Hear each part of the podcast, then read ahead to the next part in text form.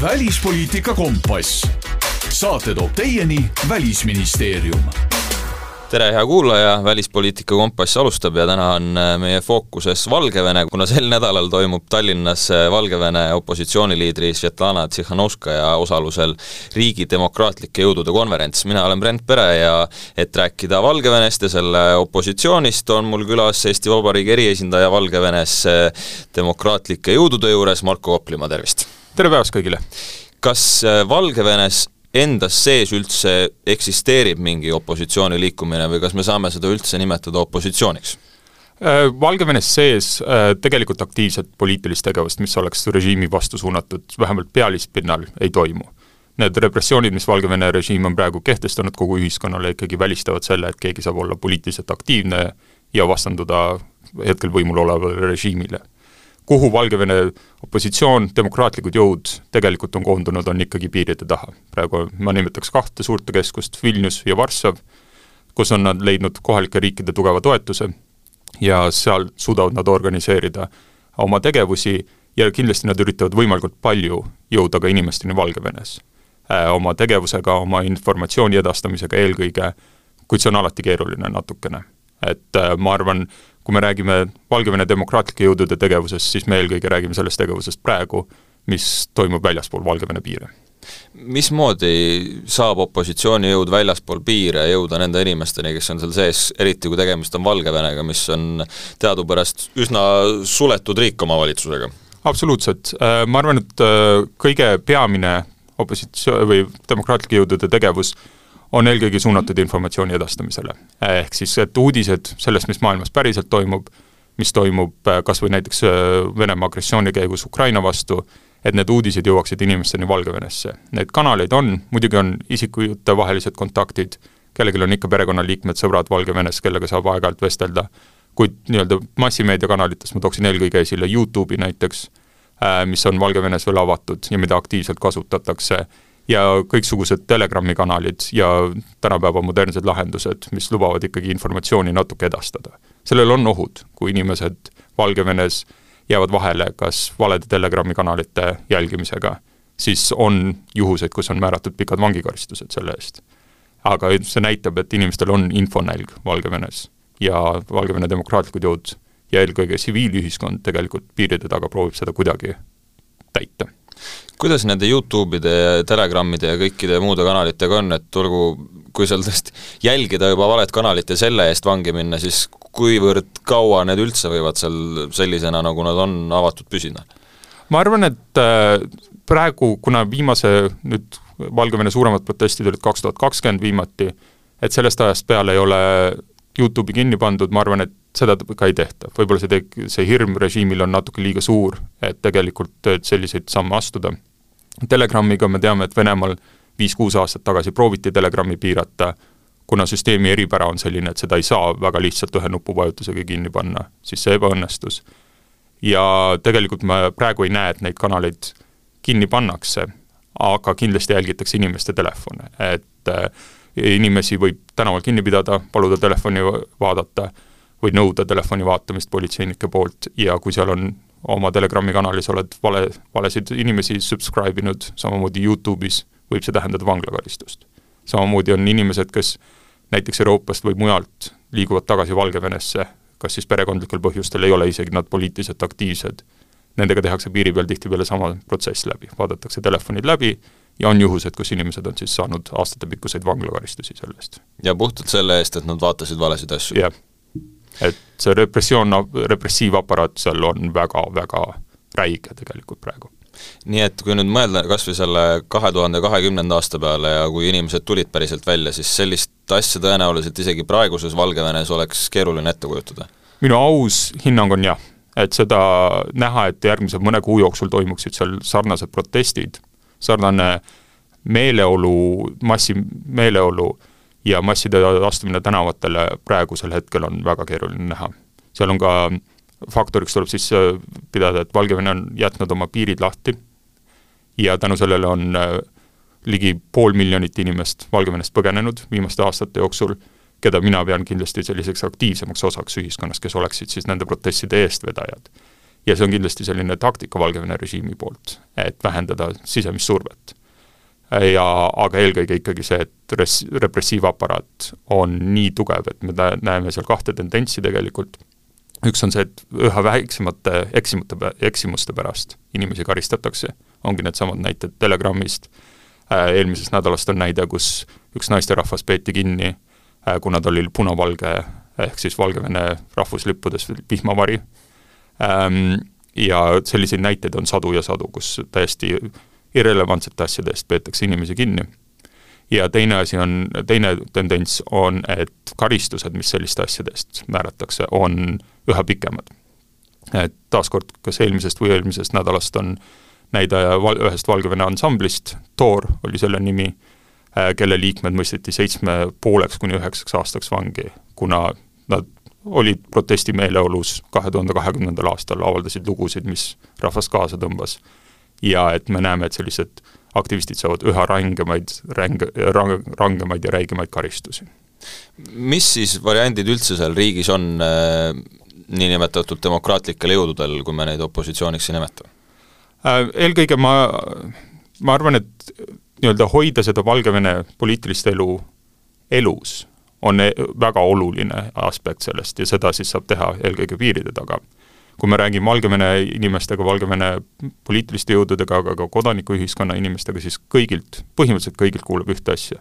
et ainus viis, kuidas tuua Valgevenes muutust, on läbi Ukraina. see tähendab, et läbi Ukraina toetamise, läbi Venemaa vastase äh,, äh, läbi võitluse Venemaa vastu, et Venemaa saaks Ukrainas lüüa see annab võimaluse akna loodetavasti ka Valgevenele Venemaa režiimist äh, vabaneda. Venemaa režiimi mõjudest vabaneda. nii et sellist otseteed sisuliselt Valgevene päästmiseks ei ole? praegu ma arvan, et isegi valgevenelased, nad kindlasti töötavad selle nimel ja nad äh, kindlasti hoiavad lootust üleval ja töötavad ka sisemiselt, et inimesi taaskord informeerida ja nii edasi. aga kõige lähem, kõige käegakatsutavam, äh, mida praegu, millele praegu rõhku panna, mille nimel töötada, on siis Venemaa kaotus Ukraina vastases agressiooni, agressioonis. Kui nüüd mõelda nendele samale, samadele inimestele, kes võitlevad äh, Valgevene demokraatlike väärtuste eest äh, eesotsas Svetlana Tsihhanovskajaga, siis põhimõtteliselt võib nende kohta öelda, et kui nad nüüd tahavad oma kodumaale tagasi minna, siis äh, on garanteeritud eluaegne vanglakaristus või mine tea, võib-olla midagi hullematki? jah, seda võib täiesti kindlasti öelda, et kui me võtame Tihhanovskaja näite, siis ta on tagaselja praegu vangi määratud üheksateistkümneks aastaks. Nii et iga kord või sel hetkel, kui ta Valgevene territooriumile vähemalt praeguse režiimi all läheb äh,, siis ta läheb vangi äh,. Neid poliitvange on kokku tuhat viissada umbes äh, hetkel Valgevenes ja ma arvan, et suur osa nendest, kes on poliitiliselt aktiivsed väljaspool piire, et see, et kui nad Valgevenesse tagasi lähevad, nad ka lähevad vangi. mida saab äh, see opositsioon teisel pool Valgevene piiri ära teha, millega need peamised äh, tegelemised on peale just selle, et Ukraina sõja võiduna jätkata? Äh, nad hoiavad kindlasti survet Valgevene režiimile, et äh, me näeme Valgevene poliitilisi jõude erakonna või eksiilis, kes regulaarselt proovivad tõsta Valgevene režiimi kuriteod rahvusvahelisse pilti, nõuavad täiendavaid sanktsioone Valgevene vastu, nõuavad äh, täiendavaid või nõuavad rahvusvahelist äh, vastutusele võtmist Valgevene režiimi eest. et see tähelepanu, mida nad rahvusvahelise kogukonna ees püüavad saada, äh, tuletavad meelde, et Valgevene eksisteerib, et Valgevene ähm, režiim on teinud kohutavaid kuritegusid, kui me võtame ühe poliitilise liikumise Valgevene demokraatlike jõude seas, siis nemad on võtnud oma eesmärgiks, et Valgevene režiim saaks karistatud Ukraina laste küüditamise eest. nagu me teame, Venemaa president, äh, režiimi juht, on, talle on esitatud süüdistus rahvusvahelise kohtu poolt äh, Ukraina laste küüditamise tõttu äh, Venemaale siis, aga Valgevene režiim täiesti avalikult osaleb samas asjas. Ukraina lapsed viiakse äh, vastu tahtmist Valgevenesse täiesti avalikult ja et samasugused rahvusvahelised karistusmeetmed võetakse vastu ka režiimi, siis Minski režiimi vastu. et selle nimel Valgevene demokraatlikud jõud töötavad. praegu võib vist põhimõtteliselt öelda, et kuigi Venemaa juhtkond ja Kreml aina enam langevad selle surve alla, et ikkagi rahvusvaheliselt mingisugused äh, piirangud neile tuleksid, siis Valgevenest väga vähemalt äh, avalikus meedias ega juttu ei olegi kindlasti võiks olla rohkem, olen nõus. Ma arvan, et õigustatult on viimaste aastate fookus olnud Venemaa agressiooni tõrjumisel, Ukraina toetamisel, see on minu arvates olnud ainuõige lähenemine kogu regiooni julgeolekut silmas pidades. Valgevene teema seal taustal hoidmine on oluline, seda ei saa võtta samas, samal tasemel, kui on Ukraina toetamine, kuid seda ei tohi ära unustada, sellepärast me käesoleval nädalal ka siis seal konverentsi näiteks Tallinnas korraldame, et äh, tuletada avalikkusele meelde, hoida seda avalikkuses fookuses, et see on probleem ja me ei saa rääkida pikaajalist, pikaajalisest lahendist regiooni julgeolekule, kui siinsamas meie lähedases naabris hoitakse ikka veel üheksat miljonit inimest sisuliselt pantvangis kahe diktaatori poolt. et seda, et see teema peab olema nii-öelda avalikkuse fookuses äh, ja äh, muidugi, ma arvan, et Eesti on olnud alati esirinnas nende riikide seas, kes nõuavad täiendavaid piiranguid Valgevene osas ja äh, kindlasti me jätkame seda tegevust ka edaspidi. kuhu see viib, eks me peame partnerriikidega arutama mis te, teie hinnang on, kui fookuses see Valgevene praegu äh, niimoodi laiemalt väljaspool Valgevenet kas või meil siin mujal maailmas on?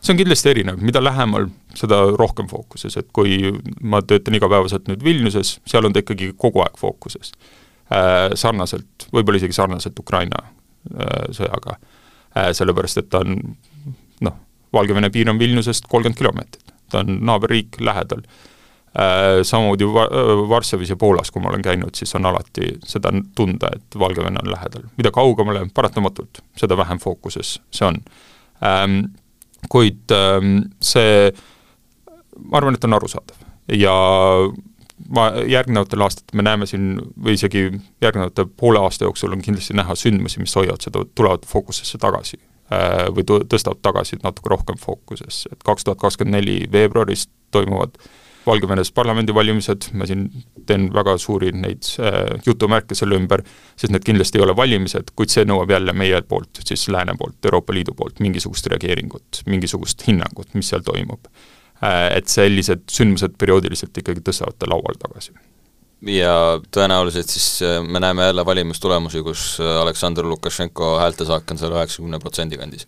jah, või tema toetatud kandidaadid siis parlamenti, absoluutselt, seal ei ole mingit küsimust, et rääkida sellest kui mingisugustest äh, vabadest valimistest või valimistest, mis oleksid meie mõistes ligilähedaseltki vabad, ei ole mõtet, ei ole mõtet, et see on puhtalt režiimi võimu kindlustamine kuivõrd äh, Valgevene siiski läheb puhtalt juba sinna Vene rüppe ja võib-olla varsti ongi no utoopiliselt mõeldes võib-olla ei olegi nii utoopiliselt, aga et ongi Venemaa koosseisus?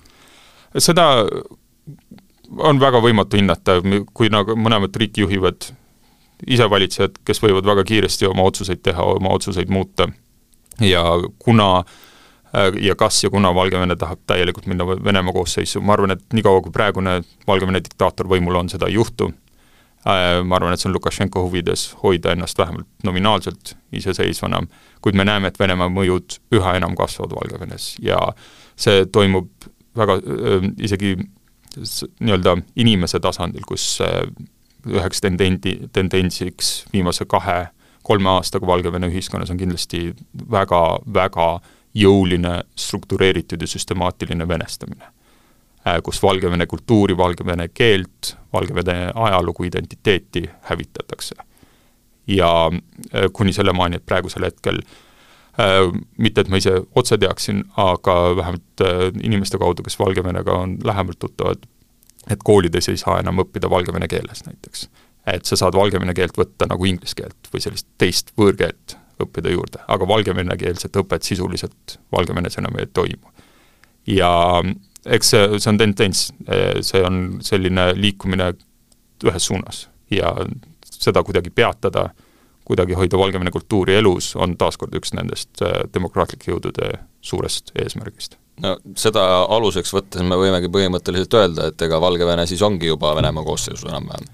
No äh, sisuliselt ma arvan, et tal on teatud määral iseseisvust, aga äh, ta kindlasti ei ole sõltu, sõltumatu riik. kas või majanduslikult, kultuuriliselt, poliitiliselt, need tihemed sidemed Venemaaga on liiga tihedad selle jaoks.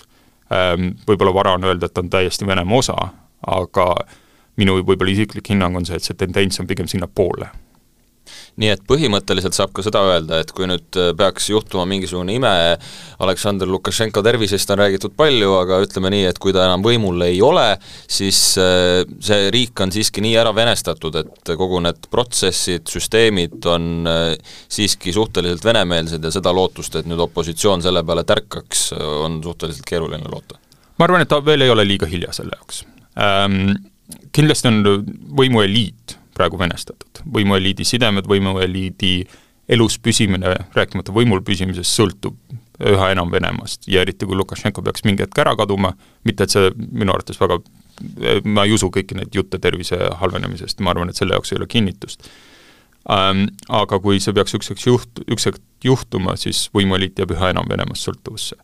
me teame omast käest, et venestamispoliitika ei, võtab aega. kultuuri, rahva muutmine võtab natuke rohkem aega kui mõned aastad ja ma arvan, et see meeleolu, kui miljonid, sajad tuhanded ja miljonid inimesed vaid kaks aastat, kolm aastat tagasi tänavatel marssisid, see tegelikult, see potentsiaal on seal olemas. see on praegu maha tambitud, aga kui tekib võimalusaken, kui Venemaa läbi kaotuse Ukraina sõjas nõrgeneb, kui peaks mingisugused režiimi sisevastuolud viima režiimi nõrgenemiseni, siis see potentsiaal on olemas. Ja sellepärast on äärmiselt oluline, et demokraatlikud jõud hoiavad kogu seda meeleolu vähemalt nii palju, kui nad saavad äh, väljaspool piire elus.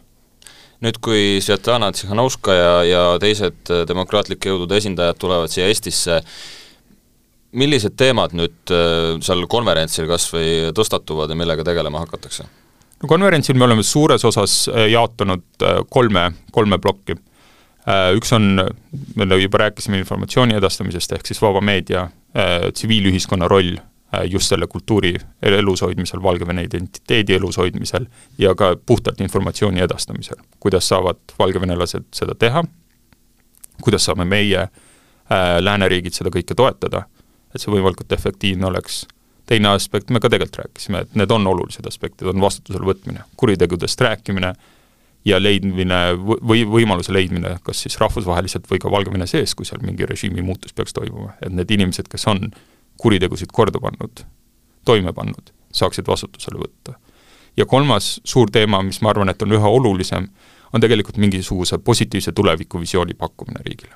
et me ei, ei hakkagi rääkima nii, kuidas riigipööret korraldada seal, kuidas Lukašenkot kukutada, vaid kui see on juhtunud, milline on tuleviku Valgevene ma arvan, demokraatlikud jõud käesoleva aasta augustis võtsid vastu väga olulise otsuse, nad leppisid kõik äh, siis eks, kes veel saavad tegutseda, kas siis eksiilis või mujal, demokraatlikud jõud, äh, võtsid vastu selge sõnumi, et nende tulevik, Valgevene tulevik, Valgevene rahvas kuulub Euroopasse, Valgevene tulevik on seotud Euroopaga.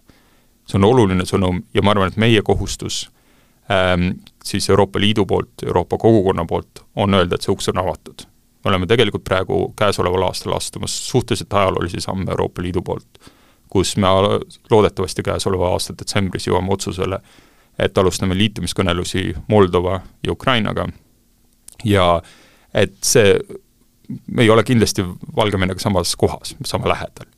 meil ei ole õiget partnerit Valgevenes, aga et see potentsiaalne võimalus jääb Valgevenel ole, olemas ja et me tunnistaksime Eesti Euroopa Liidu poolt, et Valgevene tegelikult kuulub Euroopasse. et sellist visiooni ähm,, kuhu Valgevene saab tule, kuhu Valgevene tulevikus kuulub, ma arvan, et peame rohkem rääkima. Eestil nii suuri hoobasid ei ole, aga mis Eesti roll on äh, just Valgevene demokraatlike jõudude ja sealse demokraatia arendamisel? Eesti, ma arvan, et me saame teha tegelikult rohkem, kui me ise arvame. me oleme Äh, võib-olla Valgevene ei ole küll meie naaberriik, aga me oleme siiski regiooniriik, äh, teised riigid kuulavad meie arvamusi, nad teavad, et me tunneme, tunnetame kogu probleemistikku, mis ulatub äh, Venemaast läbi Ukraina Valgevenesse paremini kui mitmed teised riigid. Ja et me peame rääkima, me peame rääkima oma partnerriikidega igal võimalusel, mis olukord, kuidas olukord meile tundub, kuidas seda lahendada, me saame teha praktilisi samme, ähm, me oleme toetanud siin Valgevenet Äh, tsiviilühiskonda märkimisväärne toetus läheb äh, Valgevene eksiilülikoolile Vilniuses, mis on siis Valgevenest minema aetud, minema, lahkuma sunnitud humanitaarülikool, mis leidis kodu Vilniuses, mida me siis toetame, et just see Valgevene järgmine põlvkond kui neil tekib võimalus, oleks haritud, oleks, saaks aru, mis on Euroopa demokraatlikud väärtused ja et nad oleksid võimelised äh, Valgevene õigele ja demokraatlikule suunale viia. Äh, me saame, toetame rahvusvahelist platvormi, mis dokumenteerib kuritegusid. kuna meil ei ole jõudu tegelikult kogu lääne ühiskonnal režiimi vastutusele võtta, mida me saame teha praegu, on jälgida, mis kuritegusid, kes sooritab. ja need talletada, et meil oleks mingisugune arusaam, kui võimalus tekib, need inimesed õigete kuritegude eest vastutusele võtta. ja ma arvan, et taaskord see tähelepanu tõmbamine, seesama konverents, et me räägime, et Valgevene eksisteerib, need probleemid eksisteerivad ja teeme seda võimalikult kõva häälega, on juba tegelikult märkimisväärne panus demokraatlike jõudude toetuseks. ja lõpetuseks, kas ja millal te loodate ise Valgevenesse minna see on, see on väga hea küsimus ähm,. Mulle, ma kindlasti tahan minna, ma olen nüüd sellega väga lähedalt kokku puutunud, aga ma ei ole kunagi käinud. praeguse režiimi ajal ma kindlasti ei lähe sinna, aga loodame ähm,, ajaraami ei julge pakkuda, seda ei tea. aga ma, ma arvan, et ütleme niipidi, et sama, mis ma ütlen Valgevene demokraatlike jõudude esindajatele, et valmis tuleb olla. et kui see võimalus tekib, siis peab valmis olema. ja siis peab olema julgust minna ja teha. loodame parimat, Marko Kaplimaa, suur tänu stuudiosse tulemast! aitäh teile! välispoliitika kompass. saate toob teieni Välisministeerium